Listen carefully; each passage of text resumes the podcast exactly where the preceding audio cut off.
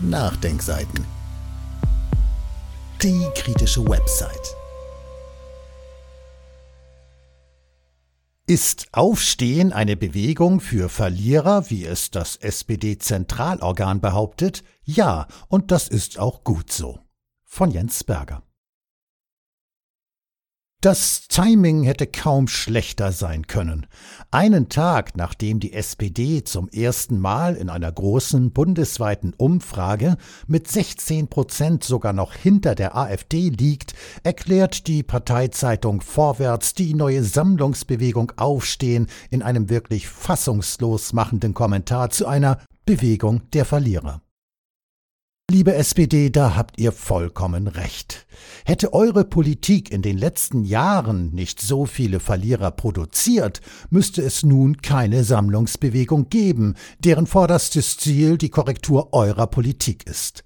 Mehr als befremdlich ist es jedoch, dass ausgerechnet die SPD sich offenbar auf der Seite der Gewinner wähnt und sich dabei nicht nur über die Opfer ihrer Politik, sondern gleich noch über die letzten kritischen Genossen im eigenen Hause lustig macht.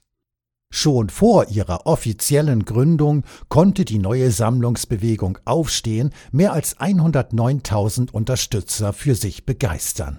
Rund ein Viertel so viel wie die Mitgliedszahl der 150 Jahre alten Volkspartei SPD. Leider gibt es von der Sammlungsbewegung noch keine statistischen Daten zu ihren Unterstützern. Gespräche mit Kollegen und Freunden lassen jedoch zumindest erahnen, dass ein bemerkenswerter Teil der Aufstehen-Sympathisanten zu den Genossen gehört, die trotz jahrelanger Demütigung durch die Parteiführung ihr SPD-Parteibuch immer noch nicht abgegeben haben und an der Basis für eine Rückbesinnung der Partei auf ihre sozialdemokratischen Wurzeln kämpfen. Mit Simone Lange und Marco Bülow hat Aufstehen ja auch zwei Gründungsmitglieder, die von kritischen Genossen als Hoffnungsträger gesehen werden. Sind diese Genossen nach Ansicht des Vorwärts also auch Verlierer? Rein machtarithmetisch müsste man dies sogar bejahen. Der linke Flügel der SPD ist seit vielen Jahren kaum mehr als eine Alibi-Veranstaltung, die kaum Auswirkungen auf die Politik der Partei hat. Ja, die letzten Sozialdemokraten haben den Kampf um die SPD wohl zurzeit verloren.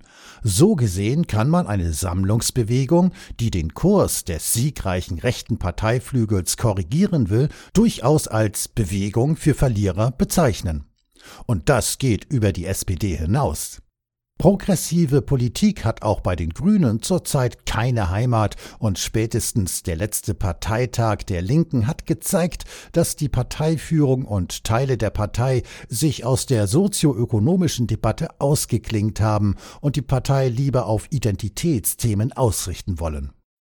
So bitter es ist. Wer im viel zitierten linken Lager heute eine progressive Politik verfolgt, verfügt in allen drei Parteien über keine Mehrheiten, ist also ein Verlierer. Das hat der Vorwärts schon richtig analysiert. Die eigentliche Frage ist doch eher, ob es klug ist, dies den Verlierern derart arrogant vorzuhalten. Denn es sind ja nicht nur die progressiven Flügel dieser drei Parteien, die zu den Verlierern der jüngeren politischen Entwicklungen zählen. In einer Gesellschaft, in der die Vermögens- und Einkommensschere immer weiter aufgeht, Altersarmut um sich greift, eine gute Ausbildung immer mehr vom Vermögen der Eltern abhängig ist und ganze Bevölkerungsschichten und Regionen von der Politik aufgegeben wurden, gibt es sehr, sehr viele Verlierer. Ist es ehrenrührig, sich politisch für diese Verlierer einzusetzen? Ist es ehrenrührig, für eine gerechte Gesellschaft zu kämpfen, die möglichst wenige Verlierer produziert? Reisen wir doch einmal etwas mehr als 150 Jahre in der Zeit zurück. Damals waren die jungen Industriereviere voll von Verlierern. Verlierer, die in Doppelschichten unter Tage oder in den neuen Fabriken der Oberschicht schuften mussten, um am Ende des Tages kaum über die Runden zu kommen und irgendwann an Staublunge oder Überarbeitung zu sterben.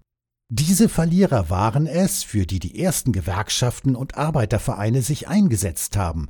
Für diese Verlierer wurde die SPD gegründet. Auch die SPD war stets eine Partei, die sich für die Verlierer eingesetzt hat. Doch dies scheint mittlerweile in Vergessenheit geraten zu sein, auch beim Vorwärts, dem 1876 gegründeten Zentralorgan der Sozialdemokratie Deutschlands. Heute ist die Partei, die sich nicht mehr für Verlierer einsetzen will, selbst ein Verlierer. Die Zahl der Mitglieder hat sich seit den glorreichen Zeiten Willy Brandts mehr als halbiert, die Zahl der Wähler ebenfalls. In den aktuellen Umfragen gibt noch nicht einmal jeder Sechste an, die SPD wählen zu wollen. Die SPD ist eine Volkspartei ohne Volk. Eine Politik von Siegern für Sieger kommt offenbar bei den Verlierern nicht so gut an.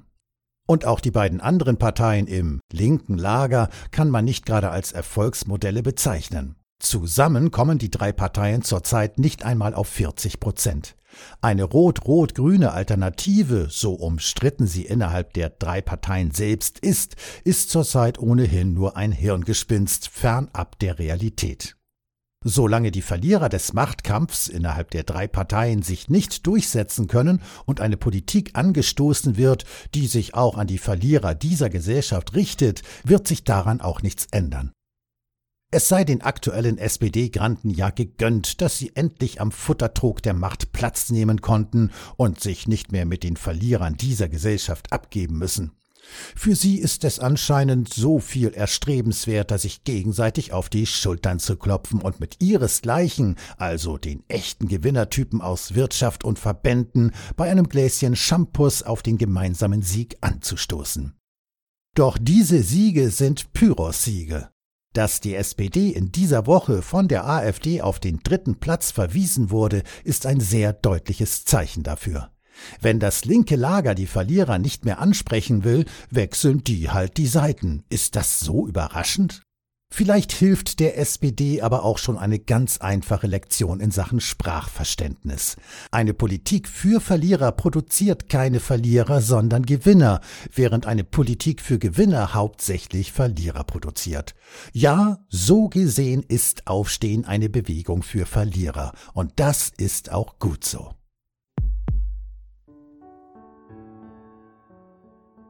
Dieses Audio konnte nur entstehen, weil zahlreiche Leser und Leserinnen die Nachdenkseiten fördern und durch Spenden unterstützen. Wenn Sie auch etwas tun wollen, klicken Sie einfach den entsprechenden Button auf unserer Website an.